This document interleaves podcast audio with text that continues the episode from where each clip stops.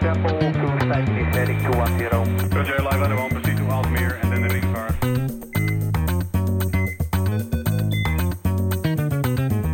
Goedendag beste luisteraars. Welkom bij Ambulance, de podcast. De podcast over ambulancezaken en prehospitale zorg. Deze aflevering wordt weer een nieuw ambulanceonderwerp besproken door mezelf en mijn gast van vandaag. Ik wens u veel luisterplezier. Ja, goeiedag. Daar ben ik weer, Ivo van Asperen van Ambulance, de podcast. Vandaag weer een eh, nieuwe aflevering. Een aflevering waar ik het ga hebben over ademen, de ademhaling. En eh, daar heb ik voor uitgenodigd een eh, gast, Rick van Dijk. Rick, welkom. Dankjewel. En Rick is sportfysiotherapeut en is ademhalingsspecialist. En werkt bij het Olympus Stadion. Eh, 36 jaar ervaring. Ja, snel even rekenen. eh, 86 afgestudeerd. Ja. Ja. En eh, vertel eens, wat, wat houdt jouw werk in? Je bent sportfysiotherapeut, maar je traint heel veel sporters. ja. Maar ook nog andere personen. ja, dus ik, zou, ik train ook gewoon stervelingen. Dus eh, sporters van naar topsport tot vijfde klasse Z. Ehm, maar daarbuiten ook mensen die niet specifiek sporten. Dus mensen met chronische pijnklachten. ehm, of ja, klassiek mensen die door de rug gaan. Eh, maar eh, het zwaartepunt, de specialisa- eh, specialiteit ligt op sportfysiotherapie. En sinds een jaar of 17 eh, met name ook op ademtraining en ademtherapie. Ja, want hoe ik eigenlijk bij je kwam is, ehm, ik zag post van Dai, Dai was je de vorige keer te gast. Die traint bij jou. Eh, Sander Aert zag ik op Instagram voorbij komen. Ik zag wat boxers, worstelaars, eigenlijk echt allemaal topsporters. Ja. En die komen bij jou om eh, gewoon meer te weten over ademen en hun ademhaling te veranderen, waardoor ze eigenlijk beter kunnen gaan sporten. Ja, ik zeg altijd, eh, ademen is eh, geen detail, maar maakt het verschil tussen winnen en verliezen. En nou, wat we net straks gaan hebben over first responders, kan het het verschil gaan maken tussen leven en dood. En gelukkig uh, de laatste jaren komt daar steeds meer aandacht voor. En met name binnen ook de topsport. Om die procenten. En ja, ik durf te claimen dat dat niet 1, 2 procent is. Maar echt meer kan zijn. ter prestatieverbetering. Maar ook stressregulatie. herstelvermogen. Um, dus ook het algeheel welbevinden. ja, als je dat totale pakket. ehm, als je daarin kan verbeteren. Ja, dat gaat het verschil maken aan de top. Ja. Om beter te presteren. Dat is mooi inderdaad, want ja, ik heb het nu over sporters inderdaad, maar komen we hier nou bij? Is ook omdat jij first responders traint. Ik heb gezien dat jij een groep van het RAVU hebt getraind. Ja. Um, ik heb gezien dat je de brandweer uh, van Amsterdam hebt getraind. Ik zie dat je lessen geeft bij politie en daarom was het echt interessant om uh, je uit te nodigen. Dank ja. dat je hier wil komen. Um, het grappige is, ik zat van tevoren te, vragen, te bedenken van wat moet ik dan vragen? Hè, het gaat over ademen en dat kan je natuurlijk ontzettend veel over vertellen en uitweiden. En uh, toen dacht ik van laten we um, gewoon wat situaties nemen in het werk. Waar, uh, waar je misschien wat voorbeelden kan gaan geven. Um, stel, je geeft een groep uh, of politieagenten les. Waar bestaat jouw les uit dan? Nou, ik, uh, het, het ademen bestaat eigenlijk uit, benaderd uit drie aspecten. Zeg maar neuropsychologisch, zeg maar over, in het kader van stressregulatie en herstelvermogen. Ehm, biochemisch, dan gaat het met name om de verhouding van de zuurstof en de kooldioxide. Daar wordt vaak nog wel overheen gekeken. en als derde biomechanisch, zeg maar adem als ademsteun. En dan moet je meer denken aan de beheersing van het diafragma, van het middenrif. Uh, ter verbetering van core stability, houdingscorrectie en efficiënt kunnen bewegen. Oké, okay, dus echt wanneer je inspant en kracht moet leveren. Ja. Um, dus, dus ja, vanuit de, die, die drie modules, zeg maar, ja, bouw ik zo'n training op. En ja. als het goed is, komen ze alle drie dan voorbij. Ja.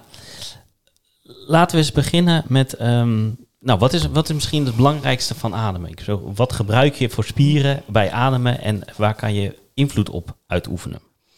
Um, ja, als ik je vraag goed begrijp, is uh, welke ademspieren uh, van belang zijn. Nou, de, de, belangrijkste spier na de hartspier is, is het middenrif. Um, en die kun je dus ook specifiek trainen als een spier. Dus die kan je benaderen uh, in de zin van ik maak hem sterker op spieruithoudingsvermogen en kracht. Dat doe je dan eigenlijk via de zogenaamde IMT-training, de Inspiratory Muscle Training. Um, dat zijn eigenlijk apparaatjes waarmee je uh, iemand tegen weerstand laat inademen. En daardoor eigenlijk ehm, een soort krachttraining voor dat middenrif ehm, eh, creëert. Ehm, maar daar, dat alleen is natuurlijk niet voldoende. Eh, je moet natuurlijk ook op een gegeven moment de kracht die je hebt, eh, net zoals je dat bij een gewone skeletspier hebt, kunnen aanwenden. En daar coördinatief goed mee om kunnen gaan. En dan kom je in, zeg maar in de functionele ademtraining, zoals dat noemen. En wat ik daarin beoog is dan eh, functionele houdings- en bewegingspatronen eh, van de sport, dan wel van eh, de beroep, beroepsgroep. Om daar direct die ademtechnieken in te integreren. Ehm, en op, op die manier dus ehm, eh, functioneel ademtraining te geven. Omdat over het algemeen natuurlijk bij ademtraining gedacht wordt, nou goed, je ligt op een matje te ademen. Ja. En dat is leuk, maar wat heb ik daaraan als ambulanceverpleegkundige of als brandweerman? Eh, maar het gaat eh, voor die mensen om te heb je wat voor mij? Als ik een inzet heb en als ik eh, die trap op moet met, met al die bagage, zeg maar, die jullie ook mee moeten zeulen. En hoe heb ik dan mijn adem snel terug als ik dan een reanimatie in moet? ehm, of als ik daar uitkom. Ehm, nou, daar streef je dan naar om daar dus direct ehm, in specifieke oefensituaties, waarbij we dus, nou, voorbeeld was recent bij het, eh, bij het METS, met, eh, met de RAVU. Mhm. Nou, dan gaan we dus eh, het, het, het trappenhuis in daar. En dan gaan we die trap op en af, een paar keer.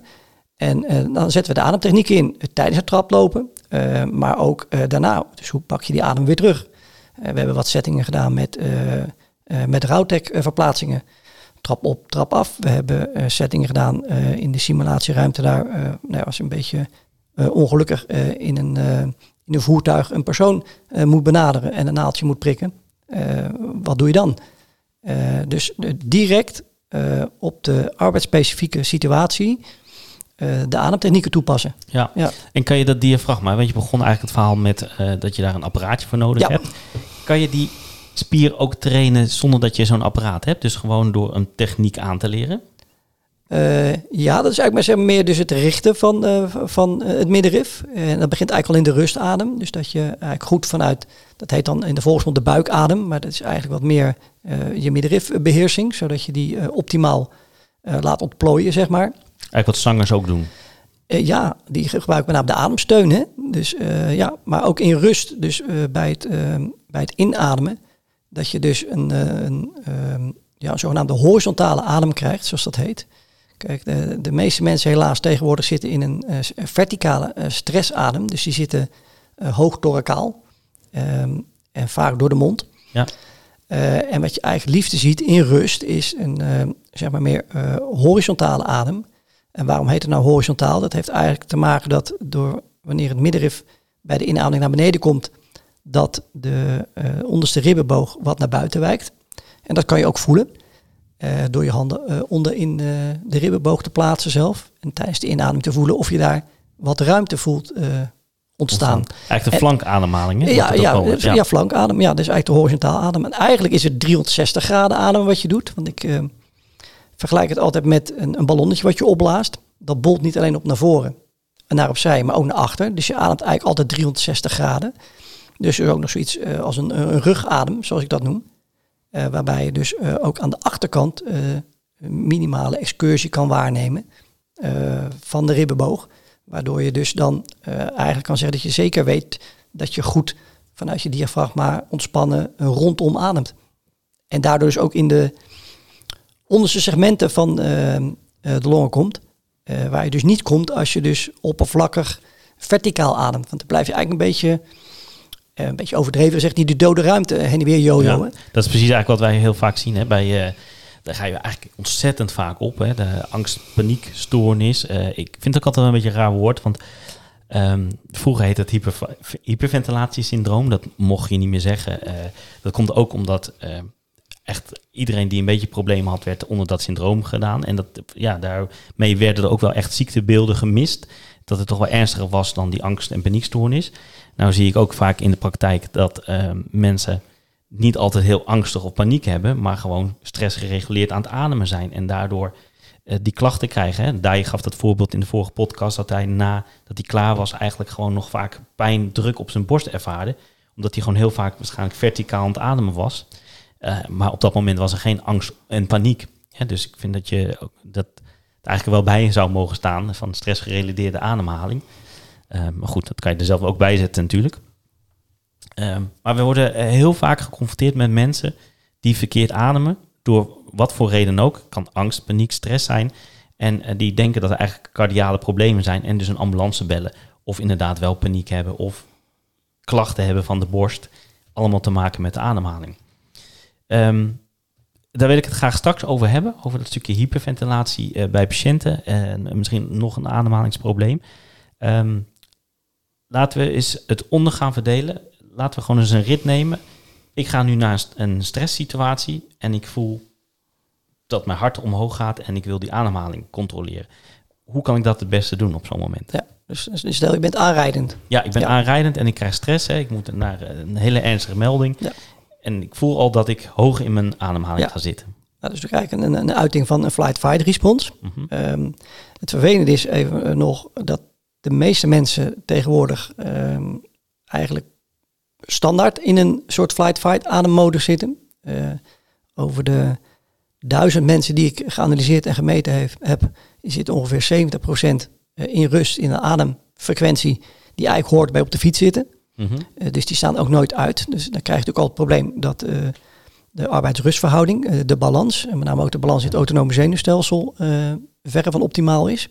En dat dat eh, vraag is om, eh, eh, om problemen, gezondheid.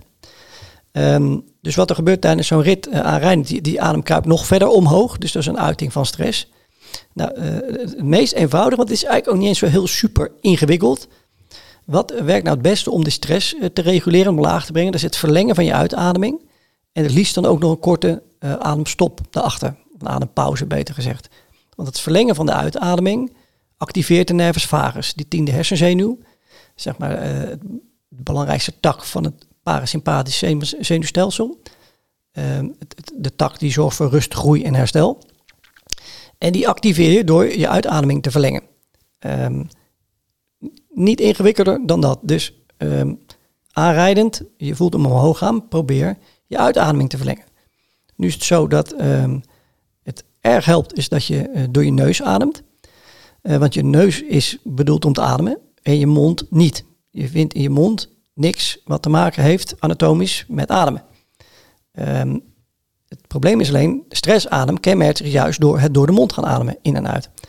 Dus dat is ook ehm, eigenlijk al als eh, stukje diagnostiek bij jezelf of misschien wel bij collega's van eh, mensen die sterk neigen door de mond te ademen, is eigenlijk al een kenmerk dat die wat hoog eh, zeg maar eh, eh, in, in de stress zitten. Dus En dat hoor je vaak. Hè? Neusademhaling hoor je niet. Wel door je Juist. hoor je hem. Ja, het is ook eh, eigenlijk zo dat als je ademt eh, in rust, dat je zelf niet moet ademen. Want als je zelf in rust ook door je neus voelt ademen, dan is die flowsnelheid te hoog. Eh, daar kunnen we nog op komen. Dat heeft ook weer consequenties. Dus eigenlijk niet hoorbaar. Eh, altijd in door je neus. Het liefst ook uit door je neus. Maar er zijn veel mensen, zeker die gewend zijn om in een heel hoog tempo te ademen, die hebben moeite sowieso al met het verlengen van die uitadem. Ehm, en dat is soms wat makkelijker om aan te leren om dat door de mond te doen. En dat komt omdat we rond de mond hebben we, eh, tientallen spiertjes zitten waarbij we dus, eh, dus de uitgang van, eh, van de lippen kunnen nuanceren, kunnen moduleren, zeg maar. En rond je neus, dat is allemaal kraakbeen. Dus dat is lastig actief te controleren, zeg maar. Eh, dus zeker eh, wanneer het heftig wordt. eh, en dan komen we gelijk ook al een stapje verder van wanneer je mensen uit zo'n hyperventilatie moet trekken. Dan is het echt wel zaak neus in, mond uit. Ehm, mochten mensen nou wat meer bedreven zijn al of wat minder hoog in die stress zitten, dan is het neus in, neus uit. Maar langer uit en het liefst een korte stop. Dus eigenlijk het, mantra is ook altijd in, langer uit, korte stop. Ja. En dan gaat het systeem vaak ook nog, het stresssysteem, alles eh, in de strijd werpen om jou te doen geloven dat dat niet gaat werken. Dat dat niet goed voelt.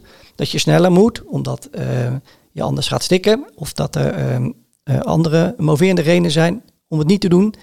Mm, stug door. Neus in, mond uit. Langer uit dan in, korte stop. Dat is belangrijk, die verlenging van die uitadem. En het is niet zozeer per se getalsmatig 4 in, 6 uit. Dat, dat mag best variëren. Eh, het varieert ook per dag. Ehm, het heeft ook een beetje te maken met... ehm, Kijk, stel als ik een, een zwaar krachttrainingsprogramma heb gedaan voor, eh, voor mijn borstspieren en ik heb daar spierpijn, dan is mijn adempatroon eh, anders als wanneer ik eh, helemaal relaxed ben. Ik heb die spierpijn niet, om maar even een voorbeeld, mechanisch voorbeeld te geven. Maar de bedoeling is in, lange uit, korte stop. En dat kan je prima al doen aanrijdend. Sterker nog, eh, ook eh, wanneer je dus eh, niet gestrest bent, zorg dat, dat jij lager in je adem zit als je instapt in het incident. Dat betekent ook dat je veel meer ruimte overhoudt. Als ik al hier instap, ja, dat kan ik natuurlijk niet zien op de podcast, maar als ik al hoog instap op mijn totale bereik, zeg maar, Mhm. dan zit ik sneller aan mijn plafond als wanneer ik lager instap. Dat is ook exact wat je dus de sporters, ik, ik train ook veel MMA-vechters, ja, zorg dat je niet te hoog instapt, want je bent zo ja, aan je top, hè, gassing out heet dat dan op zijn Engels, dan ben je aan de beurt. Ja. En dat gaat even hetzelfde in zo'n situatie, aanrijdend. Maak het standaard in lange uit, korte stop. En ehm, ja, training, training, training. Je zal er veel minuten voor moeten maken. En dan het liefst beginnend in niet stressvolle situaties.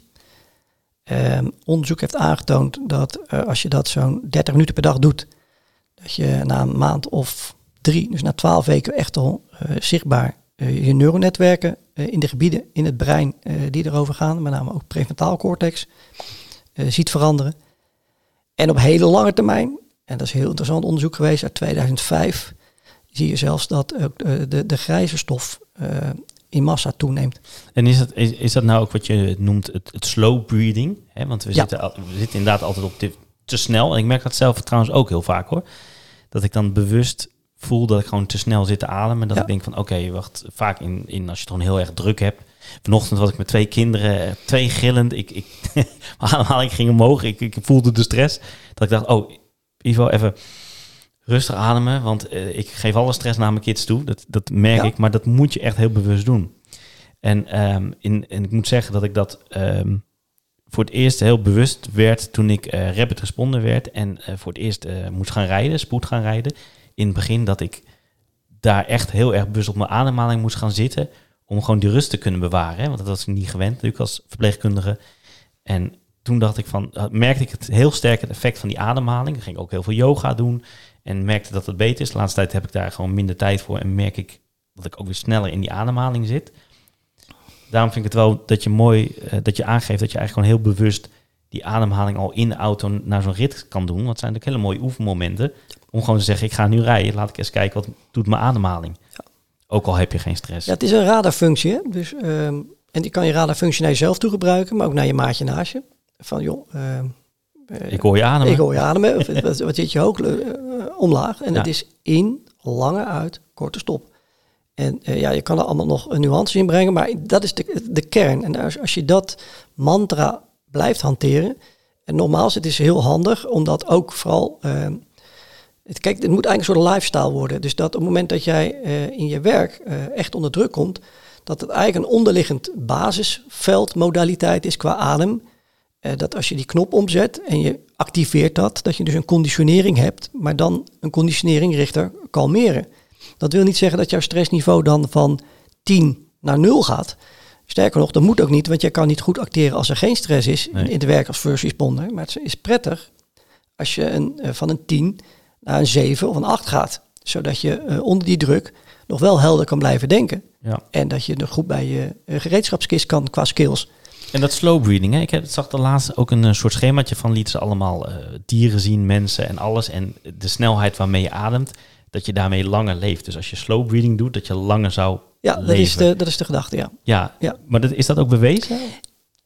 Ik heb daar nog niet echt eh, wetenschappelijk onderzoek van gezien, maar dat is wel inderdaad het verhaal. eh, en zeker ook eh, uit het verre verleden, zeg maar. En dan richting India en dergelijke. Dat ze zeiden van ja, degene, de, de dieren die het minste ademen, die worden het oudst. En er werd toch ook een schildpad bij gehaald. En, maar ik weet niet precies A, hoe oud die beesten worden. En B, of dat ook echt klopt. Ja. Maar de, de gedachte erachter is natuurlijk wel ehm, dat een, een, dier wat dus laag aan waarschijnlijk ook een, een, een later, lager in zijn metabolisme zal zitten, eh, minder appel zal doen eh, op eh, allerlei stress eh, eh, effecten in negatieve zin. Dus eh, ja, ik, het, het zou zeer, zeer wel goed mogelijk zijn en plausibel eh, kunnen Ja. zijn. Ja. Het is ook lastig een ademhalingsfrequentie tellen bij een eendagsvlieg natuurlijk. Ja, ja, ja, precies. maar die zal vrij hoog zijn. Eh, we hebben nu het stukje aanrijdend gehad. Hè? Je, je stress reguleren door de neus in, lange uitademing. En daarmee ga je die baroreceptoren ga je eigenlijk eh, beïnvloeden, waardoor je hartslag naar beneden gaat. Ja, dat is niet zozeer de bouwreceptoren die de hartslag naar beneden brengen. Dat gaat eigenlijk via de, uh, de, de respiratoire sinusarythmie. Ja. Uh, uh, maar het gevolg daarvan is ook, um, en dat heeft ook weer te maken, dus door als je rustig gaat ademen, dat de verhouding zuurstof-kooldioxide verbetert. Um, en, en, dat heeft wel uh, die, die, die uh, CO2, maar daar komen we op, want anders, anders gaan we te veel de zijpaden paden in. Die hebben ook weer gunstige invloed op die bouwreceptoren. Maar ook op basis van de activatie van de nervus vagus uh, krijgen dus een bloeddrukverlaging. Ik, ik, gebruik ook bij mensen met milde bloeddrukklachten regelmatig ademtherapie, ademtraining om ehm, die bloeddruk te verlagen. En dat, dat, in de meeste gevallen lukt dat ook. En, en kan daar in de medicatie wat teruggedaan worden. Uh, ook weer niet, het is geen Lourdes. Het is niet bij iedereen kan van zijn medicatie af of die uh, ja. is, is van zijn bloeddruk af. Maar het, het, is wel, het zou mijn eerste keuze zijn uh, bij een interventie ehm, voor uh, het verlagen van bloeddruk. Dat is je adem reguleren. Ja. ja. Dus toch, hè, toch het, wat, wat voor heel veel mensen er ook wel zweverig werd gezien, ook yoga gaan doen, want daar is ook gewoon bewust. Of inderdaad, en dan krijg je anders bij de fysio te horen, maar het is toch allemaal het stukje ademhaling wat heel veel effect heeft op je leven. Het, is, uh, het, het, leven begint ermee, het eindigt ermee. Het is uh, één grote ademtocht. Het is allemaal adem. Ja. En alles is embedded in de adem. En dat komt ook terug in de functionele ademtraining die ik geef. Uh, de beweging zit in de adem. En niet de adem in de beweging. En als je dat laat zien, maar helaas een podcast, maar ik kan het jou laten zien. Dus als dit de beweging is, is dat de adem. Hij zit er omheen. Ja. En wat we meestal doen, is dat hij ja, een beetje achteraan fietst. En uh, ja, dan missen we een hele hoop. En dat is puur functioneel gericht op het goed kunnen bewegen. Ja, het is denk ik ook heel mooi dat dat gewoon de laatste tijd echt wel heel veel aandacht krijgt. Je, je ziet het natuurlijk ook, en we hadden dat straks over Wim Hof die heel erg naar buiten gaat. Het is wel een heel ander ademhalingssysteem, maar die maakt wel, zet wel ademhaling op de kaart. Zeker. En daarbij uh, in de boeken van, hè, van Dai, steeds meer mensen gaan erom trainen. Het yoga is natuurlijk onwijs populair geworden. Toch een beetje uit dat zweverige halen van jongens, ja. dat is gewoon het belangrijkste. En we worden er dag in dag uit mee geconfronteerd. Mensen die verkeerd ademen, uh, vanaf inderdaad de geboorte tot het, uh, het sterven. Wij komen aan. Ik kom aan. Hè? Ja. Ik heb me uh, gereguleerd en dan blijk ik bij een Amsterdams grachtenpand te zijn, of in Rotterdam, kan ook natuurlijk. En we moeten naar vier hoog rennen. Zo'n smal trapje, met ja. een lifepack, 12 kilo, ja. rugzak op, zuurstof op. Um, in een tijdje terug nog mondmasker. En dan vergat je dat even af te doen. Ja. En uh, ik kwam een keer boven en had ik hem nog opgelaten. Dat moest natuurlijk ook. Alleen ook tijdens het traplopen. En ik, nou, het, het was ongelooflijk, maar ik moest me zoveel moeite doen om het te herstellen. Voordat ik überhaupt naar die vrouw kon gaan luisteren en kon actie kon uh, ondernemen. Ja. Um, heb ik ook wel eens collega's. Uh, ja, ik sport nu niet heel veel, maar ik sportte daar wel heel veel. Die ook gewoon van nature een hele lange hersteltijd hadden, omdat ze gewoon conditioneel gewoon een matig presteren, flink rookten, zeg maar. Dat had je ook al het probleem. Maar stel, wij komen daar aan, hoe, en je voelt dat je heel hoog in je ademhaling zit en je hartslag, hoe kan je op dat moment zelf weer het snelst herstellen? Is dat hetzelfde ademhaling door de neus in lang uit? Um, ja, dat is ideaal. Maar als je een trap op moet rennen, kan dat niet altijd. Um, mm. Dan gaat ook het ademtempo omhoog. Um, ja, ik hanteer daar uh, binnen die functionele ademtraining eigenlijk wat basisprincipes die komen uit de Systema. Systema is een Russische krijgskunst. Um, ik heb daar toen uh, jaren terug, alweer bijna twintig jaar geleden, in uh, Frankrijk, in Parijs en in Duitsland met de jongens van de Spetsnaz getraind. Toen, dat kon toen nog, hè. toen waren het nog onze vrienden. Daar kan ja. nu ook, ook weinig meer bij voorstellen. maar wat, en, en, die training waren eigenlijk meer gericht op een beetje zelfverdediging, mensen ontwapenen, ehm, een beetje slaan en stoten, incasseren. Uh, maar wat bleek nou? Uh, de hele methodiek uh, was eigenlijk um, gebaseerd op het reguleren van de adem. Nou, die basisprincipes, het eerste basisprincipe daarin is continu ademen. En dan begint iedereen ook al te gninniken van ja, hè, natuurlijk, continu ademen. Nou, een van de eerste dingen die je ziet gebeuren onder druk en stress, is dat we juist heel veel de adem vast gaan zetten. Dat we in een soort ja. flinch-modus komen.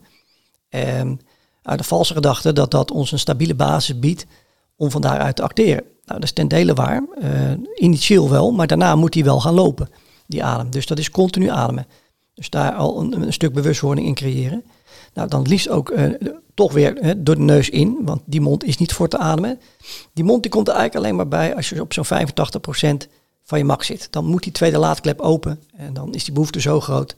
Dus het onderzoek heeft aangetoond dat je dat globaal eh, tot 85% van je max eh, kan doen op je neus. Nou, moet ik zeggen dat dat een nuancering ook weer, weer eh, verdient, want ik zit ook een beetje in die vechtsporten en dan ben je al eerder, zou ik adviseren, en bij krachtsport ook, standaard neus in, mond uit. Maar niet wat veel mensen dus doen, alleen door de mond in en uit. Dus daar begint het mee, neus in, mond uit. Nou, dan zou het ook prettig zijn, eh, het is een, vaak een gêne om daar toch wat geluid bij te maken. Mhm. Eh, mensen vinden dat vaak moeilijk. Maar als ik een hoorbaar, eh, ik zal niet te dicht op de microfoon gaan zitten, maar eh, met purse lips breathing, dat is eigenlijk een soort pep breathing, wat we bij emfyseem-patiënten ook doen. Dus een positieve end pressure creëren door die getuite lippen. Weet je, alsof je trompet speelt. ja, en je maakt dus het geluid van een F'je, een S'je of een, een F, of een, een F, een S of een P. Mijn voorkeur gaat uit naar een S en een S. S.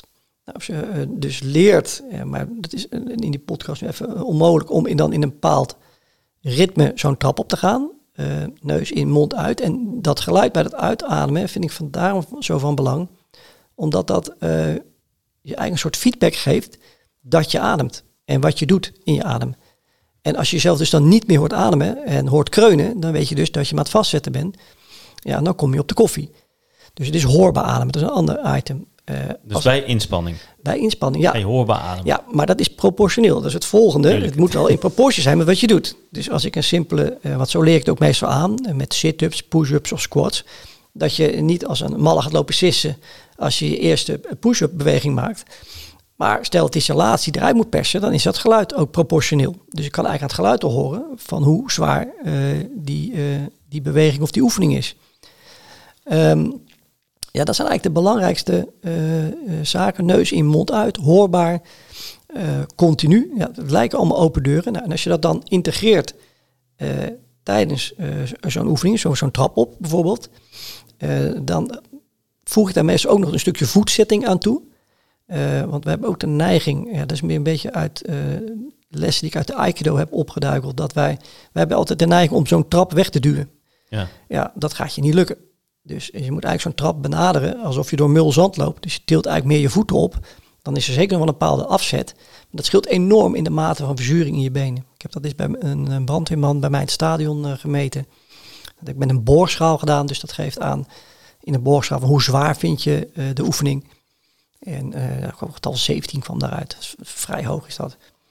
En dan liet ik me op manier A, manier B, eh, overigens met ademlucht, die, die, die 150 treden opgaan. En met die andere voetzetting eh, gaven ze dus ook aan van ja, eh, ik zit niet meer op 17, 18, maar ik zit op eh 11, 12 qua eh, verzurings eh, subjectieve ervaring, zeg maar. Ik meet geen eh, lactaat, Ja. maar hoe ze dat subjectief ervaren. Dus ook die voetzetting in combinatie met die ademtechnieken. Ja, en dat is eh, echt even in de praktijk eh, ehm, eh, ervaren en doen. En dat met dat traplopen ook is het vooral een ritme kiezen. Dus je kan eh, drie treden in, drie uit, eh, één in, één uit. Dat heeft ook te maken weer van hoe breed is dat trapje en hoe loopt die. Want soms, ja, als je maat eh, 45 hebt en die smalle wenteltrapjes in Amsterdam, dan is die voetplaatsing alweer veel lastiger. Dan moet je eigenlijk een soort, een soort krap al omhoog, eh, omzij, opzij. Maar goed, voetplaatsen in combinatie met adembewustzijn en het reguleren vooral van de uitademing. Want dat is eigenlijk het belangrijkste. Bij eh, activiteit eh, gaat het vooral om het reguleren van de uitademing. En dat is een mooi gezegd uit de biathlon. Hè, die jongens die, en meisjes die met zo'n geweer op de rug eh, hoog in hartslag ineens op de buik in de sneeuw moeten. Op eh 50 meter eh, een eh, vijftal van eh 40 mm grote doelwitten moeten raken. Eh, en een hartslag van eh, zeg eh, 140 naar 70, 75 wegen terug te brengen binnen 45 seconden. En die zeggen ook, het- waar wij mee bezig zijn, is het reguleren van de uitademing. En de inademing regelt zichzelf. En zo is het in de praktijk ook bij eh hoog frequente bewegingsvormen. Is het eigenlijk een ritme vinden en vervolgens eh, op die uitademing eh, blijven letten. Maar het zou, het, eh, ik word er helemaal enthousiast van. Want het zou natuurlijk super effectief zijn. Want je, je zegt dan bijvoorbeeld inderdaad zo'n eh, zo'n iemand die moet schieten. Eh, maar eh, als je hier komt in West en dan heb je zes trappen moet je oplopen. Ja. Hè, van die flats zonder lift nog. En je komt bovenaan en je hebt een reanimatie en je moet daar een infuus prikken Ja, in een mini ja vaatje er is, vergelijkbaar. Ja. dan is dat eigenlijk, vragen we exact dezelfde kwaliteiten op dat moment hè, om iets te doen. Kleine bewegingen maken, je moet heel snel weer onder controle zijn, maar we zijn er eigenlijk helemaal niet op getraind. Nee, Terwijl, eh, als ik dat nu zo hoor, denk ik van, ik heb nooit heel bewust een trap opgelopen. Nee. Het gaat Ja. gewoon, ik denk gewoon, ik merkte wel toen ik heel veel ging kickboksen, dat ik heel snel hersteld was. Dus dat was in mijn conditioneel was dat goed. Maar ik heb nooit bewust mijn ademhaling eh, gedaan op de trap. Ja, dat, is precies waar we in het begin ook mee eh, begonnen zijn. Gelukkig komt die bewustwording steeds meer van ja, shit, eh, ik, ik, ik kan ook met die adem nog wel procenten winnen. En ja, of je nou brandweerman bent of politieman of ambulanceverpleegkundige, je moet, al- als je allemaal die trap op moet onder zware stress. En ik heb dat nu zelf ervaren, want ik wist dat eerlijk gezegd ook niet, eh, wat jullie nog aan, eh, eh, aan tassen en bepakking, wat dat weegt, wat daarmee moet naar boven. Dan is het handig dat je zo efficiënt mogelijk met je energie omgaat. Nou, en dat begint dus met het reguleren van je adem. En in algemene zin, je kan niet optimaal efficiënt bewegen als je niet goed ademt. Dat, dat gaat niet qua bloedgaswaardes, dat gaat niet qua middenrifsturing. Dat gaat gewoon niet. En het, het gekke is dat daar eigenlijk weinig op getraind of op gelet wordt. En dat is super praktisch. En het is ook geen hogere wiskunde. En eh, het is vooral veel doen. En zorgen dat het eh, eh, eigen wordt, een conditionering. Dat eh, zegt, ja, ik, ik, ik, ik sta onder stress, want dat wordt er vaak gezegd, hè, onder stress. En dan door die stresssituatie, ja, dan kun je niet onder stress nog eens je adem gaan lopen reguleren. Nee, dan ben je ook te laat. Maar als je het daarvoor al getraind hebt en het je goed eigen hebt gemaakt en, en daar neuronetwerken letterlijk voor aangelegd hebt.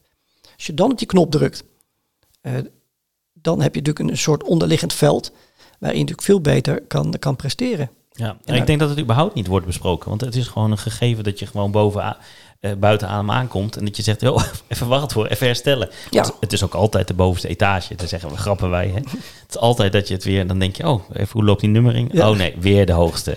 Einde galerij. eh. maar inderdaad, we zijn er gewoon heel weinig mee bezig. Dus Ja. ik vind het wel heel leuk om dat Functionele ademtraining. Ja. En dat is wat ik eigenlijk eh, ook ehm, eh, echt, echt probeer altijd eh, aan te bieden. Dus met, met, met ambulancepersoneel, arbeidsspecifieke omstandigheden. Ik ben in de gelukkige omstandigheid ook dat ik een hoop trappen heb in het stadion. Mhm. Ehm, maar anders, we vinden een, een situatie, ook met tillen, met verplaatsen, met transfers, dat je dus de basisademtechnieken die we eerst aanleren in simpele bewegingsvormen, zoals een sit-up, een push-up en een squat, dat je die dan gaat integreren in wat complexere bewegingsvormen. Nou, eerst zonder druk eh, en later met druk. En eh, ja, dat is een kwestie van trainen. En ehm, met tennissers sta ik op de tennisbaan. Met MMA-vechters sta ik eh, in de kooi. En met boxers in de ring. Eh, dus die zijn geïnteresseerd. Geef mij iets voor in mijn situatie Ja. waarin ik actief ben. En dat zijn bij ons toch wel heel vaak trappen. Ja, vaak wel. Ja, Brancard misschien kleine draaitjes. Hè. Tegenwoordig zijn bijna alle brancards elektrisch. Dat scheelt echt enorm. Ja. Toen ik eh, begon, eh, nou gewoon moesten we alles tillen. En dan was je echt, was je op zo'n dag echt wel veel aan het tillen. En tegenwoordig is dat echt wel stukken makkelijker geworden. Maar nog heb je situaties dat je iemand misschien op een brancard moet tillen. Dat je toch een, een beweging maakt, een draai maakt die je ja, die eigenlijk niet goed is, maar die je toch moet maken om de situatie te redden, Ja. zeg maar, of om iemand erop te krijgen. Ehm, daar geef je ook les in, hè? Wat je doet op zo'n moment. Ja, ja dus dat, dat is ook, valt ook onder de functionele ademtraining. Eh, en dat is met name voor die bracing van die wervelkolom. Eh, want ja, zoals je terecht aangeeft, vaak moet dat onder druk snel in een hele eh, ergonomisch onverantwoorde houdingen, zeg maar. En ook daarin is, is ademsteun ehm, eh, ja, het instrument, zeg maar, om jezelf eh, als het ware te wapenen. Dat is eigenlijk eh, Gods eigen corset, noem ik dat. Dus core stability avant la. Dat is het reguleren van je uitademing. En, en daardoor kun je zelf ook, als het gaat om, om rugpreventie, om, om preventie voor rugklachten, enorme slagen maken. Ehm, het is eigenlijk wat je doet, ehm, het reguleren, dus ook weer van je uitademing, maar het begint eigenlijk met een soort vasalva. Dat je eh, dus de inademing eh, goed aanzet, waardoor de intratoracale, intra-abdominale druk oploopt. Mhm. Want die heb je nodig om eh, die wervelkolom, zeg maar, te zekeren. En vervolgens gaat het dan weer om, om die uitademing goed te reguleren. Ik noem dat de ventielwerking van pep breathing. Ja, de Eh, piep, de, de, de, de piep die is ontstaan, zeg ja, maar. ja die, die, die, die, die S eh, of die P of die S die je dan eh, genereert. waardoor je nog steeds die bracing hebt, maar dat je niet, wat je dan vaak bij dat gewichtheffen ziet, die enorme opgezolde koppen ziet. Ja, dat gestuwde. Ja, eh, die, die bloeddrukwaardes die, die lopen ook enorm op. Eh, er is onderzoek gedaan bij toppers. En dat was dan bij leg press. Dat is dan iets anders dan een, eh, een, een squat. Maar je ziet dan bloeddrukwaardes bij die toppers van piekwaardes van 360, 370. Zo. Je gelooft het niet. Met gemiddelde waardes van dik in de 200. Ja, dat is niet goed, hè? Dat is niet goed. Nee, en dan is nog, zie hoe plastisch het lichaam is. Dat gaat vaak nog goed. Je ziet nu wel regelmatig ook bloed uit die neuzen komen. Nou ja, dat is geen rocket science. Dat is, dat is niet gezond. En als je een aneurysmaatje hebt, heb je pech natuurlijk. Ja, Ehm, maar wat je ook ziet, je ziet stukken heel vaak omdonderen. Nadat ze dus eh, zo'n squatbeweging hebben gemaakt, van onderuit naar boven. ja je preload is helemaal gedaald. Ja. Dus de- boem, gaan Ja. ze om. Ehm, wat hebben ze nou gezien door het onderzoek? Wanneer je dus die, ik noem dat purse lips breathing, die pep breathing doet. eh, nadat je inderdaad terecht eerst die intra-abdominale en intratoracale druk opbouwt door die adem in te houden. Maar daarna het ventiel gaat spelen in proportie met de beweging die je maakt. Dat dat zo'n 100 mm kwikdruk eh, aan bloeddruk scheelt. ja. Met dezelfde output. dus gewoon eigenlijk ook wat je leert bij bankdrukken. Dat je altijd uitademt bij het... Ja, maar wat hoor jij in de sportschool? Ja, daar hoor je geschreeuw Dat hoor je geschreeuw, gekreun, dat is, dat is meer ademobstructie. Ja, En eh, dat is eh, ja, zeer inefficiënt. Je ziet in tennis ook terugkomen. Dat heb ik opgegeven. Ik heb kort met wat tennissers gewerkt, ook bij de tennisbond, vanuit de tennisbond. maar de maar- mensen die zo'n zo'n kreunwaarschuwing krijgen. ja, en wat die kreun, het, het, het, het, het, het- meestal eh, dus ehm, eh, het, het vastzetten van die ademweer. eh, Ja. het, het, het, het, opbouwen van statische spanning. Terwijl iedereen leert van ja, als je een, een, een, een vlotte tennisbeweging van maakt, moet je juist ontspannen zijn. Ja, dan moet je dus niet een gespannen adem eh, eh, eh, methodiek op loslaten. Want dat vertaalt zich door in die beweging. Nou, kortom, dus de neus in, mond uit. functioneel functional purslip breathing, um, ehm, het reguleren weer van je uitademing. Um, maak daar geluid bij, geen gêne. Ik vind het gênanter dat, dat gekreun dan als je een S'je of een F'je hoort. Ja. En je, je, je beschermt je rug ermee. Eh, er is ook veel onderzoek naar gedaan dat ook die IMT-training waar we in het begin over hadden, dus dat je onder weerstand in zo'n apparaatje, tweemaal daags 30 ademteugen, mm 5X-programma. Dat je ook eh, daadwerkelijk ziet dat er al hypertrofie optreedt van die middenrifspier. Maar ook dat eh, ja, die core stability, die, die postural control, zoals het heet, ehm, dat kan je dan meten. Eh, eigenlijk in principe is het zo bij, bij het aanspannen van je core musculatuur, dat gaat net even een fractie vooraf aan de daadwerkelijke beweging. Zodat je dus die bracing hebt. En die tijd is vertraagd bij mensen bij chronische lage rugklachten. En bij mensen die dan ehm, die IMT-training hebben gevolgd, zie je dus dat die, eh, die, vertragingstijd dus eigenlijk eh, verbetert. Dus dat die mensen weer adequater en sneller reageren. Ja, dus door een simpel device, eh, zeg maar de krachttraining, in dit geval de IMT-training van het middenrif. ja. Dus ja, ehm, als het gaat om, om rugpreventie en, en rugklachten, en dat zal nog eens voorkomen in jullie beroepsgroep, ja. Eh, ademspiertraining. Zowel functioneel, dus hoe richt ik hem in de actie. Maar daarnaast is het best natuurlijk eh, handig eh, dat je een beetje behoorlijk ontwikkelde spier hebt als basis. om de, die core stability nog een extra boost te geven, zeg maar. ja. Niet zo chic, je ziet hem niet zoveel, hè, die vraag. Maar dus niet een spier die je snel traint qua Nee, uiterlijk. toch is het een behoorlijke pannenkoek hoor. Ja, ik wou net zeggen. Ja, en, en, en hij zit op veel meer plekken vast dan je denkt. Hè? Ja, je kan de hele, die wervelkolom, die kan je daar helemaal goed mee stabiliseren als je het weet. Het is superleuk om, eh, om, om dit allemaal te horen. En, en doet mijzelf ook wel denken van... God, eigenlijk weinig aandacht aan besteed in mijn leven. Maar goed, eh, het is nog niet over. Dus ik kan nog eh, jaren Je bent welkom. gaan oefenen. En natuurlijk via je podcast kan je dit allemaal niet leren. Dat moet je echt zelf ervaren door oefeningen te doen. Door een keer een training bij je te boeken. Of, of, of dat je een keer in company... Doe jij in company trainingen? Zeker, ja, toch? ja, ja, ja. Ja, nou, ik ga een link strakjes een e-mail onder de show notes zetten, zodat iedereen je kan vinden. En, en dan ben je helemaal in het zuiden of wat dan ook. Je kan altijd meer opzoeken of op, op, je site kijken, denk ik. Um, we, we, we, hebben het gesproken nu over inderdaad het herstellen op dat moment. Dus je mag geluid maken. De ja, F. Ja. Hè, dus we krijgen binnenkort steeds meer sissende ja. ambulance professionals. Ehm, nou, dan kom je boven, eh, dan probeer je die hartslag naar beneden te krijgen, die ademhaling lang uit, zodat je op dat moment kan functioneren. Dus dit infuus kan prikken, die kleine motoriek kan beheersen, omdat jouw ademhaling gewoon weer normaal is. Ehm, wat doet ademen op je focus? Ja, het mooie is van eh, de ademtraining is dat het eigenlijk een, nog een super bonus geeft. Eh, door de gerichte aandachttraining die je eigenlijk doet in het ademen. Hè, dus je bent continu bezig met in, lange uit, korte stop. Nou, dan komen er geheid afleidende gedachten of geluiden. Eh, maar iedere keer keer terug naar die adem. Dat is eigenlijk een soort ademmeditatie, een mantra. Het, uh, gevolg daarvan is dat je door iedere keer die aandacht te richten op de adem, je prefrontaal cortex uh, activeert. Uh, en het mooie is dat die train je juist door gerichte aandachttraining. Dat kan bijvoorbeeld ook jong leren zijn. Maar die ademtraining, door gericht die aandacht elke keer terug te brengen op één activiteit, het ademen, in, lange uit, korte stop, activeer je die prefrontaal cortex. En ja, die is van uh, wezenlijk belang als het gaat om um, niet impulsief handelen, het overzicht behouden, het kunnen plannen, uh, de focus kunnen bewaren, het, het goal-directed behavior zoals het heet. Um, dat is ook wat in, in het boek van uh, Sander Aarts en Van Daaien naar voren komt onder echt dat soort crisissituaties, dat die ademregulatie hun op die momenten eigenlijk gered heeft in het volbrengen van ja, zeer moeilijke taken onder levensbedrijvende omstandigheden. Dus gerichte aandachtstraining, dankzij uh, de ademoefening en het trainen van zeg maar, de dirigent van het brein, de prefrontaal cortex. En dat is eigenlijk een superbonus die je dan ook makkelijker weer um, als het ware kan activeren wanneer je echt in een situatie van stress terechtkomt. En dat je dus nog uh, je overzicht kan behouden en je skills kan uitvoeren zoals je die geleerd hebt. Mm -hmm. uh, en dat het dus niet de stress met je op de loop gaat. En, daar zit dan die conditionering van die adem aan vast. Ja, vorige keer had ik dat besproken ook met Daya, dat beat stressful. Dat je begint met breathing en, en dan zit het, die letters, hè, breathing, focus, C. Um, dat je eigenlijk door die manier van ademen inderdaad die focus ook meteen mooi maakt. Dus je moet je focussen, maar dat lukt ook beter doordat je rustig ademt.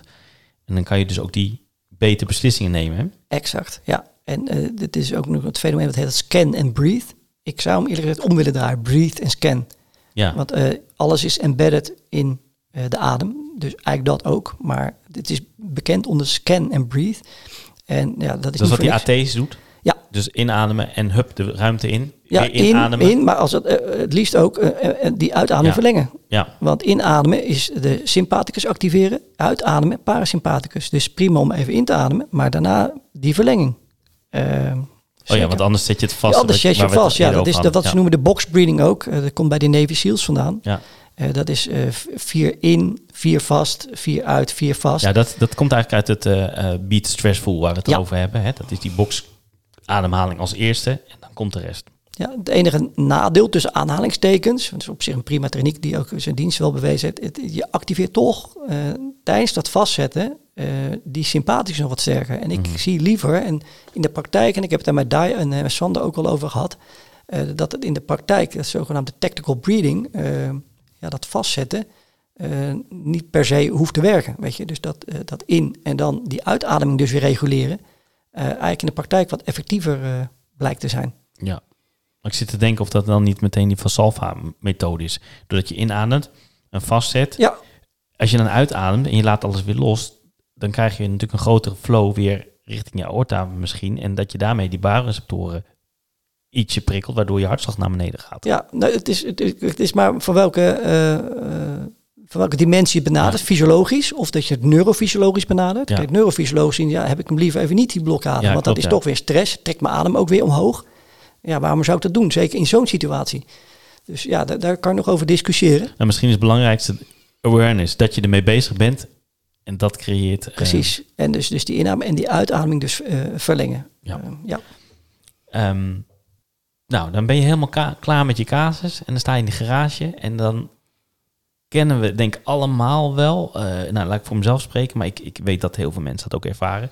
Dan heb je wel eens, als je een hele casus hebt gedaan, hè, en dat, dat ging eigenlijk best wel goed, krijg je toch die adrenaline. Je ziet je vingers trillen. En dan denk je, hé, hey, wacht eventjes, hè, het komt er nu allemaal uit. Blijkbaar stond ik toch onder spanning. Som- soms weet je het niet eens, maar achteraf dan voel je dat trillen en dan merk je dat je eventjes moet herstellen. Laat me raden. Doe je neus in, doe je mond uit. Ja, het liefst neus in, neus uit. Maar als je echt staat te trillen en te shaken en, en eh, de heat is on nog, Mhm. eh, dan helpt het weer om door die mond die uitademing te verlengen, omdat je dan wat meer kan reguleren weer. Ehm, ja, hetzelfde. In, lange uit, korte stop. Want je wil eigenlijk van een, een hoogfrequente, eh, met een, snelle flowsnelheid, dus wat vaak dan een, bij echte stress dus door de mond gaat. Nou, dan wil je dus uit die mond weg. Je wil door die neus in, eh, door de mond uit, omdat je die uitademing weer kan verlengen. Eh, en dan als het even kan, eh, na verloop van tijd ook daar een korte stop van 1, 2 seconden. En dan in dat rustige patroon te komen. Het is misschien, wat- ik nu denk, waar ik het heel vaak aan merk, is niet eens dat ik snelle ademhaling heb, maar ik merk het dan bij de overdracht. Dan staat er een shockroom en dan staan er eh, tien man te luisteren. En dan moet je het verhaal doen wat je allemaal gedaan hebt. En dan moet je eh, al heel erg goed nadenken, oké, hoe kan ik dit het rustig vertellen? Hè? Daar heb je je overdrachtmoment voor. En dan merk ik dat ik hoog in mijn ademhaling zit en dat ik eigenlijk een beetje buiten adem ben tijdens het Ja. praten. Ja, als er iets moeilijk is, het allermoeilijkste van ademtraining, dat is praten en ademen. Eh, dus eh, als ik een dag een workshop geef, dat is voor mij vermoeiender Mhm. dan eh, een dag patiënten of cliënten zien. En dat heeft te maken dat praten automatisch betekent dat je door je mond ademt, want anders doen je stembanden het niet. Dus dat heeft al de nadelige effecten dat je al sneller de neiging hebt ook om die adem omhoog te laten lopen. Dat kan ook zijn uit je enthousiasme. Je wil eh, dingen enthousiast overbrengen, dus die adem kruipt omhoog. Of eh, uit, eh, als je in een dispuut met iemand bent, dat je juist uit, uit agressie of stress die, die adem optrekt. Nou, bij zo'n overdracht ook. Je, je zit al wat hoog in je adem door de hectiek. En dan te moeten overdragen, terwijl je al hoog zit in die adem, ja, dat is enorm moeilijk. En het enige wat je daar een beetje in zou kunnen doen, is op je tonatie letten. Want als je, en dat is, zal ik eerlijk bekennen, bij mij ook mijn valkuil. Als ik enthousiast over adem ga praten, dan wil ik allemaal zoveel eh, wijsheden debiteren. Of verminderde wijsheden, dan lo- loopt die, die adem op, op, op. En op een gegeven moment, eh, als je daar ook naar moet luisteren, dan zeg je, joh man, het- anders maar even wat rustiger. Dus dat is bij mij zeker ook nog een aandachtspunt. Even de piep iets verlagen. Even, iets, e- even iets omlaag. Wat erg helpt is dat je eh, wat meer naar, naar eh, meer komma's zet en meer punten. En dat je in je intonatie van het praten langzaam naar beneden gaat. Want dat brengt ook die adem meer naar beneden. En dan door je neus in en uit. En dan laat je die stilte maar vallen. Eh, in het geval van zo'n overdag zal niet tegelijk eh, die stilte overgenomen worden en het, het gesprek weggekaapt worden. Maar gun je zelfs dan eh, die, die, die adempauze even. Want anders loopt die op, loopt die op. Maar dat is verduiveld moeilijk om daar het ritme in te vinden. Ja. En als je dat voelt, dan, dan krijg je daar nog meer stress van. En dan, Ja, dan loopt hij helemaal over. Ja, maar dat is echt het moeilijkste wat er is. En dat zeg ik ook eigenlijk altijd als ik cursisten ehm, inwerk. En dat zie je ook van mensen die stress hebben, gaan harder praten. Ja. Dan zeg ik altijd, probeer je, op je stemgeluid, probeer daarop te letten. Ga naar beneden juist. Ja, Inderdaad, ga exact. langzamer praten. Je stemgeluid naar beneden. Dan mensen die daarbij zijn, die worden ook rustig. Die denken, hé, hij heeft het onder controle. Dat één. Twee, ik moet goed luisteren wat hij zegt. Dus ze gaan, ze, ze gaan zelf ook in stemgeluid naar beneden. En je creëert rust. En als je dan ook nog eens een keer rustiger gaat praten, hè, dan kan je ook beter nadenken. En we leren volgens de S-bar overdragen. Maar eigenlijk zou het heel mooi zijn om S-bar te controleren aan de ademhaling Ja. in de toekomst. Ja, ja. Want je hebt niks aan die S-bar als je die ademhaling niet Nee. onder controle hebt. Hè? En om dat systeem goed in te trainen, moet je eerst denk ik die ademhaling onder controle hebben. Ja, als lifestyle interventie. Dus het is geen trick. Eh, Zorg dat je eh, per dag, en je gaat niet iedere seconde op je adem letten, wordt ook net een gek, dat doet helemaal niet. Maar dat je een beetje awareness op gaat bouwen. Ja. Dat je eh, een radarfunctie hebt. En dat je op gezette tijden dat ook gewoon gaat oefenen. En doe dat heel praktisch. Vijf minuten voor je gaat trainen.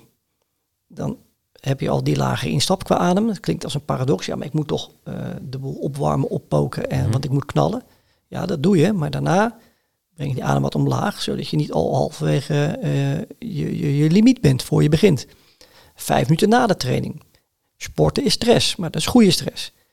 Dat is prima ook voor het brein om te, te leren dan van, nou, dit was stress, daar hoort die adem bij. En dit is rust en daar hoort deze adem bij. Dan ga je vijf minuten je rustademoefening doen. In, lange uit, korte stop. Heb je het, herstelsysteem alweer aangezet. Tien minuten voor je gaat slapen. Je slaapt daar geheid beter op. Je komt in, eh, qua eh, hersengolven in de alfa-staat. Dan moet je toch langs, wil je naar, eh, eh, naar de slaapstand. Doe het als je voor het rode stoplicht staat.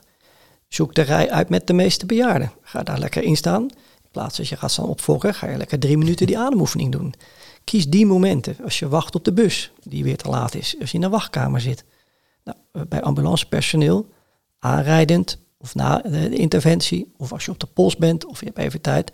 Al is het maar drie minuutjes. Ik noem dat ademvluchtheuvels. Creëer een ademvluchtheuvel. In, lange uit, korte stop. En de rest van de dag adem awareness. Je ademt door je neus. In je ADL, je activity of daily life, adem door je neus. Als je wandelt, als je rustig fietst, eh, als je je werk doet, het is allemaal neusademen. Wordt er kracht gezet, wordt het heftiger, neus in, mond uit. Even heel simpel. Let wel, als je gaat fietsen en je gaat door je neus ademen alleen, dat is best wel pittig. Joggen, helemaal. Maar dat is te trainen. En je wordt daar steeds beter in. Eh, als er wat meer wind staat, wordt het nog lastiger. Want je hebt zo'n beetje twee, eh tweemaal meer weerstand bij het neusademen. Nou, Dat is echt, eh, echt trainen. En daar zou je dus echt zwaar moeten reduceren in je tempo. En daar hebben we moeite mee, want dan hebben we het idee dat we niet voldoende doen. Maar je doet een fantastische workout als het gaat om je ademsysteem en je ademspieren. Neusademen. Ja. En je kan het ook heel goed gebruiken, ehm, waar ik het ook voor doe, is ook voor de podcast. In het begin, als je die eerste afleveringen hoort, zat ik heel vaak heel hoog in mijn ademhaling in het begin. Dat merkte ik ook. Ging bewuster van, oké, Ja. wacht ervoor. En het werd eh, rustig. En ik merk nu ook dat het daardoor ook gewoon makkelijker gaat. Hè? Ik ben altijd, soms altijd nog wel een beetje gespannen voor zo'n podcast. Waarom, weet ik eigenlijk niet. En misschien omdat er gewoon mensen naar luisteren. Maar eh, soms vraag ik me ook wel af, ja, waar komt dat van? Maar hup, dan let ik op die ademhaling en dan gaat het toch gemakkelijker. En nu ook in dat eh, werk. En ik hoop dat eigenlijk de luisteraars ook net zo enthousiast worden. Zodat we binnen die ambulancebranche ook daar gewoon echt meer mee aan het werk gaan. Ehm, ik denk dat ook meer mensen enthousiast zijn geworden nu. Eh, vroeg ik nog af, eh, is er een verschil tussen eh, hoe vrouwen ademen en hoe mannen ademen? Zeker, ja. De Oh ja? mens- menstruele cyclus heeft echt invloed op het ademen. Mhm. Ehm, sowieso vrouwen hebben qua fysiek natuurlijk over het algemeen wat kleinere longen. Het middenrif is zo'n zo'n 8, 9 procent eh, kleiner. Dus, dus fysiek, eh, de ademfysiek zeg maar, is al wat kleiner als bij de gemiddelde man. Eh, verder is het zo dat de basis CO2-spiegel bij vrouwen ook zo'n 8% lager is. Maar in de menstruele cyclus, vooral in de luteale fase, dat is tussen dag 14 en 28 aan het blote hoofd. Maar wacht even, die ligt lager. Is dat, heeft, de zuurgraad is dan ook... Dat heeft dan ook weer invloed op de zuurgraad. Ja, Eh, dus als je ja, een pH bij vrouwen zou doen, ligt die... dat, ik weet niet of je dat zo ver kan doortrekken, maar over het algemeen ligt die, eh, als je naar getallen kijkt, ligt die dus lager bij vrouwen dan bij mannen. Mhm. Eh, en met name in die menstruele cyclus, in, in dag 14 tot 28, in de luteale fase, komt het hormoon progesteron vrij. Mhm. En dat is echt een ademversneller. En dan zie je dus door die ademversnelling dat die CO2-waarden soms wel eens met 25% eh, omlaag kunnen. En dat heeft wel weer eh, sterk invloed op eh, onder andere ehm, de, eh, het aanspannen van het gladde spierweefsel, want dat reageert op die CO2-waarden heel sterk. Dus je krijgt daar een soort constrictie van. Nou, zeker in uterusgebied kan dat dus vervelende pijnklachten geven. Maar je ziet ook dat de, de, de, de pijndrempel eigenlijk verlaagt. Dus de gevoeligheid voor pijn neemt ook toe door die veranderde eh, CO2-waardes. Eh, dus eh, tal van klachten die vrouwen soms in hele heftige mate kunnen hebben. De menstruele cyclus eh zouden zeker wel eens te maken kunnen hebben met de CO2-spiegels. Maar ook dat zij een hogere pijngrens hebben. Eh, ja, enkel dus tijdens zo'n, dus tijdens die eh, luteale fase zie je juist die pijndrempel omlaag gaan. Dus die zijn gevoeliger voor allerlei pijntjes, alles doet pijn. En, en eigenlijk, ja, dan is dan het onverklaarbaar. Ja, nou ja, het is de overgang, ja, of de overgang, het is de menstruele cyclus. Dus Ja. ja. dat hoort daarbij. Maar dat kon ook wel eens heel goed te maken hebben met progesteron, eh ademversnelling, CO2-waardes omlaag. En daardoor de pijndrempel ook omlaag. Oké. Ehm, en dat is wel iets om, ehm, ook als je ademtraining geeft aan vrouwen, ehm, en met name die CO2-waardes, we hebben het nog niet heel erg over gehad, zijn van eminent belang. Want die CO2 is de primaire drive tot ademen. Ja. En als eh, die zeg maar permanent aan de lage kant zijn, heb je eh, dus heel snel eh, het gevoel van, joh, ik moet meer ademen. En niet alleen in rust, maar ook eh, bij inspanning. Want hoe je in rust ademt, neem je mee wanneer je inspant. Nou, eh, wordt dat eigenlijk gemonitord eh, in de medulla oblongata, dus in de hersenstam. Dus daar zitten de CO2-chemoreceptoren en de zuurstof-chemoreceptoren. Ehm, en vooral die CO2, ja, die is zo van eminent belang, want die hele pH-waardes van ons lichaam, die natuurlijk eh, zeer delicaat zijn, die hangen hoofdzakelijk af van de CO2-waardes. Ehm, dus wanneer jij ehm, heel veel ademt en dus ook heel veel CO2 afblaast, creëer je eigenlijk eh, permanent wat lagere spiegels voor CO2. Ja, en dan zie je dus wanneer mensen dan ineens wel geconfronteerd worden met hele ho- hoge CO2-waarde, door wat voor reden dan ook, dat er dus een paniekaanval kan ontstaan. Want dan komt er zo'n enorme overstijging van die drempel eh, die we niet gewend zijn voor CO2. En die CO2 is de draai van ademen. Dat mensen daardoor eh, in, een, in een hyperventilatieaanval kunnen schieten. Dus dat is een dat subgroep. eerst je- dus dat eigenlijk, dat niet, dat je eerst je CO2 gaat omhoog. Daardoor gaan zij in de angst-paniek situatie. En als wij komen, dan kunnen wij dat meten natuurlijk. Dan zal die over het algemeen te laag zijn. Ja, dan zitten ze dus in die hyperventilatie Ja. als reactie erop. Maar wat je ziet, het is niet bij allemaal zo, maar bij een subgroep dat die mensen dus chronisch eh, eh, een, een hypocapnie hebben, dus Ja. een te lage waarde. Die worden ineens geconfronteerd met een te hoge waarde. Die gaan in de paniek, die gaan hyperventileren. Nou, tegen de tijd dat jullie komen zitten ze gewoon eigenlijk zo maar in een soort klassieke eh, hyperventilatieaanval. Ehm, Maar dan zonder duidelijke oorzaak soms. Want dat heb je wel eens. Dat mensen zeggen, ja, ik, ik voel Nee, ja, wel de exact. paniek. Maar waar die vandaan komt, geen idee. Nee, en mensen die dus, dus, dus een lagere eh, CO2-spiegel hebben en, en dus een, eh, een, een, eh, een hogere, ehm, dus eigenlijk met een bijna permanente hypocapnie rondlopen, dat betekent dus minder dan 35 mm kwikdruk, die, die predisponeren meer voor paniekaanvallen, eh, in mijn overtuiging, dan mensen die eh, keurig tussen de 35 en de 40 zitten Mhm. millimeter kwikdruk als je een kapnograaf eh, erop aansluit. En daar, heb, daar, daar is ook onderzoek naar gedaan. En die, MM hebben ze, die mensen hebben ze ademtraining gegeven. En dan zag je in, in een programma van vier, vijf weken significante verbetering al. Zowel eh, ehm, in de, in de CO2-waardes gemeten met een kapnograaf als wel op een, ja, ze hebben daar toen een soort stress eh, scorelijst voor gebruikt om aan te geven hoe, hoe gespannen die mensen zich voelden. En die ging ook significant eh, de goede kant op. En bij de brandweer zie je het, het fenomeen ademcrisis, zoals dat heet.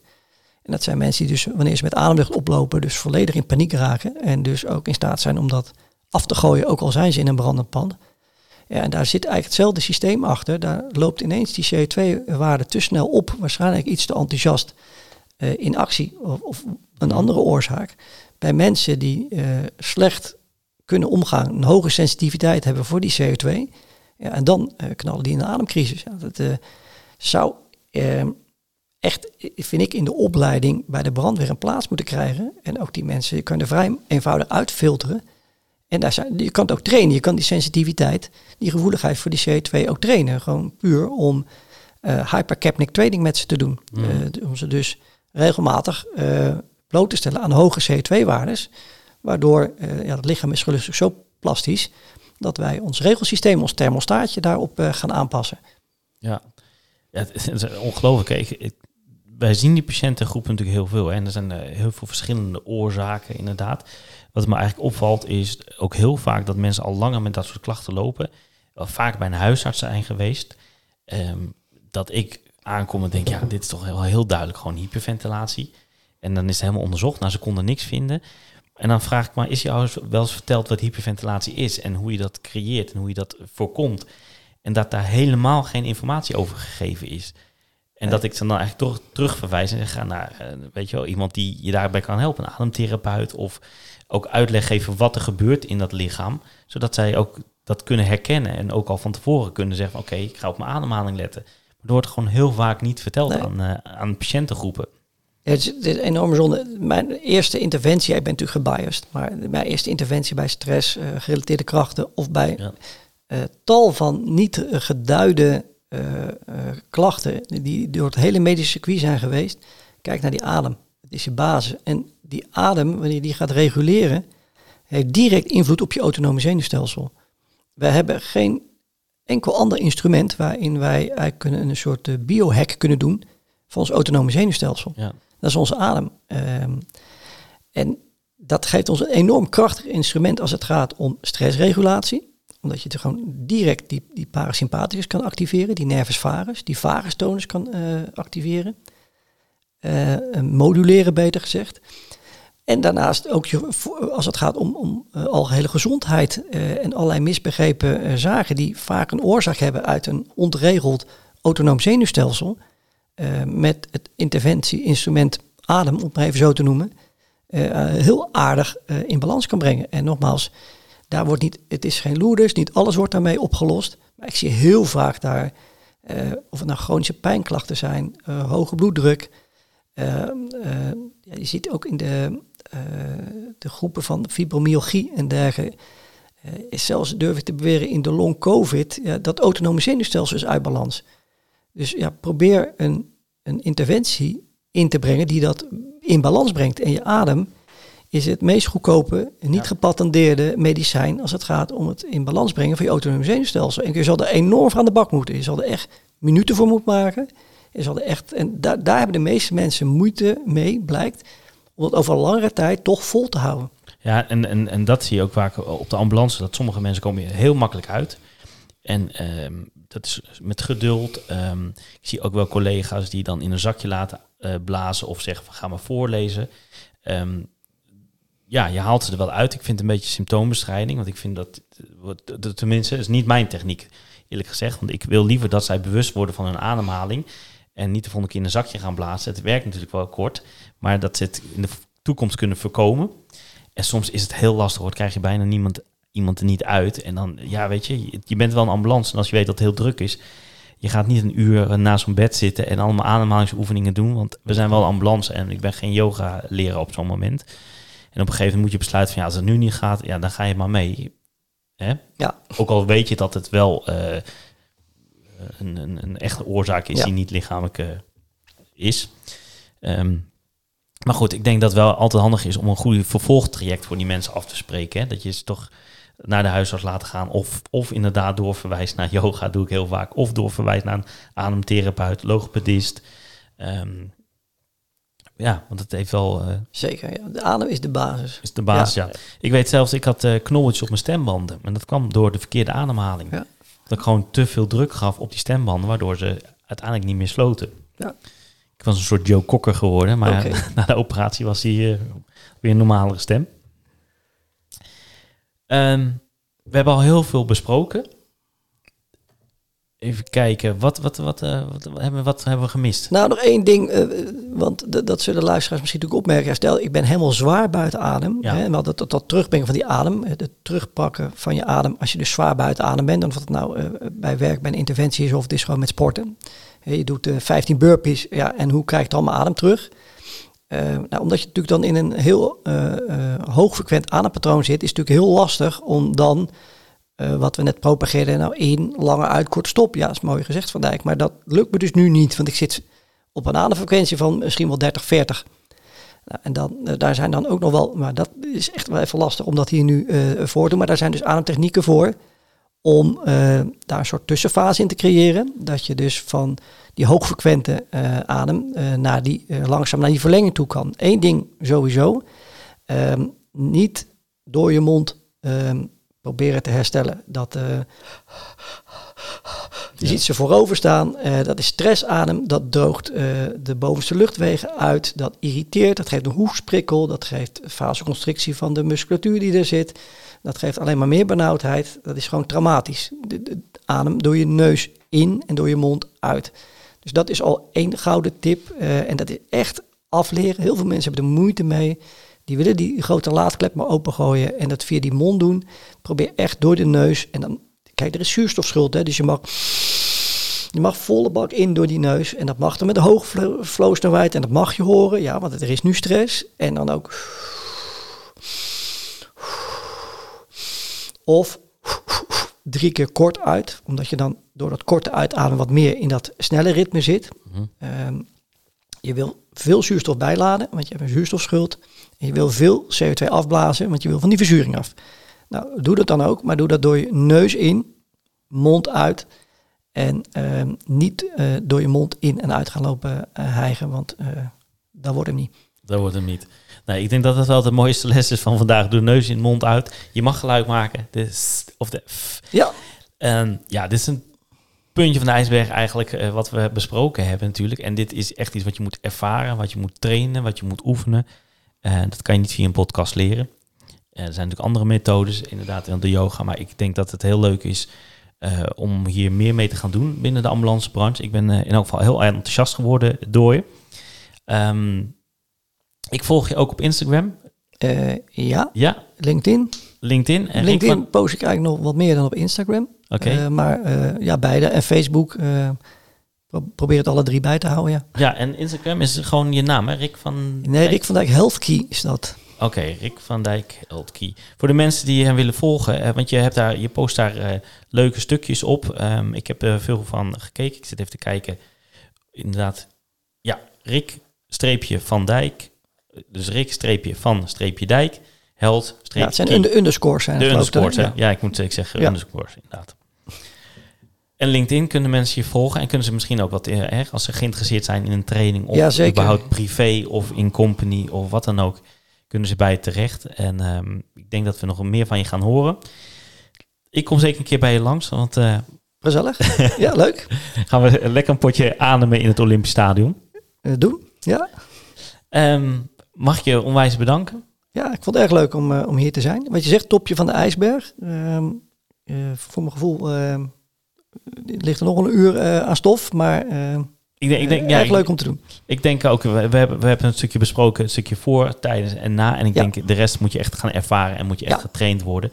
Ook omdat je zelf moet gaan bewust worden van wat voor ademhaling heb ik eigenlijk. Zit ik in slow breathing of zit ik in een fast? Hè? Zit ik verticaal of horizontaal? Eh, maar goed, ademhaling het is zo'n breed onderwerp. Je kan van, zelfs tijdens, dus, weet je, mijn vriendin een tijd terug bevallen. Nou, dan heb je een heel ander, andere ademhalingsplan. Ja, het is natuurlijk wel de bekende eh, puff-sessies. hè? Eh, ja, zeker. Flankademhaling, rugademhaling. maar als het zover is, Ja. Nee, wordt lastig. wordt het lastig überhaupt als man erachter te blijven. Daar, eh, Maar vooral de adem-awareness. Dus, dus radarfunctie. Ja. Eh, en, en dat is misschien nog even goed om te zeggen. Hoe herken je nou ook een stress-adempatroon? Dat is vaak mensen die door de mond ademen. Dat is hoog oppervlakkig. Dat is vaak hoorbaar. Mensen die veel zuchten. Mensen die veel geeuwen. Dat zijn allemaal, knijpen, knijpen Ja. van de stem. hè? ja, dat zijn allemaal markers eh, bij jezelf. Maar ook eh, in het geval dan eh, collega's of naasten.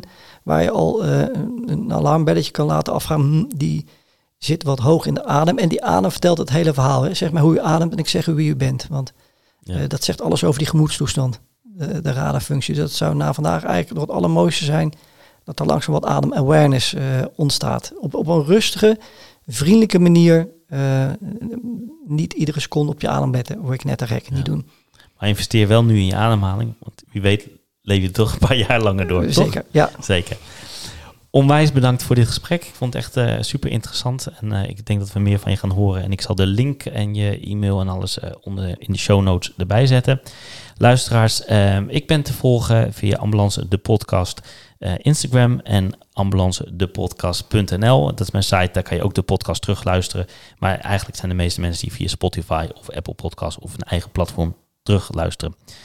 Ehm, tot de volgende keer. Eh, het duurt weer ietsje langer dan eh, jullie gewend zijn, want ik heb eh, een verhuizing. Ik ben aan het verbouwen. Ik heb een eh, kindje van zes weken erbij gekregen.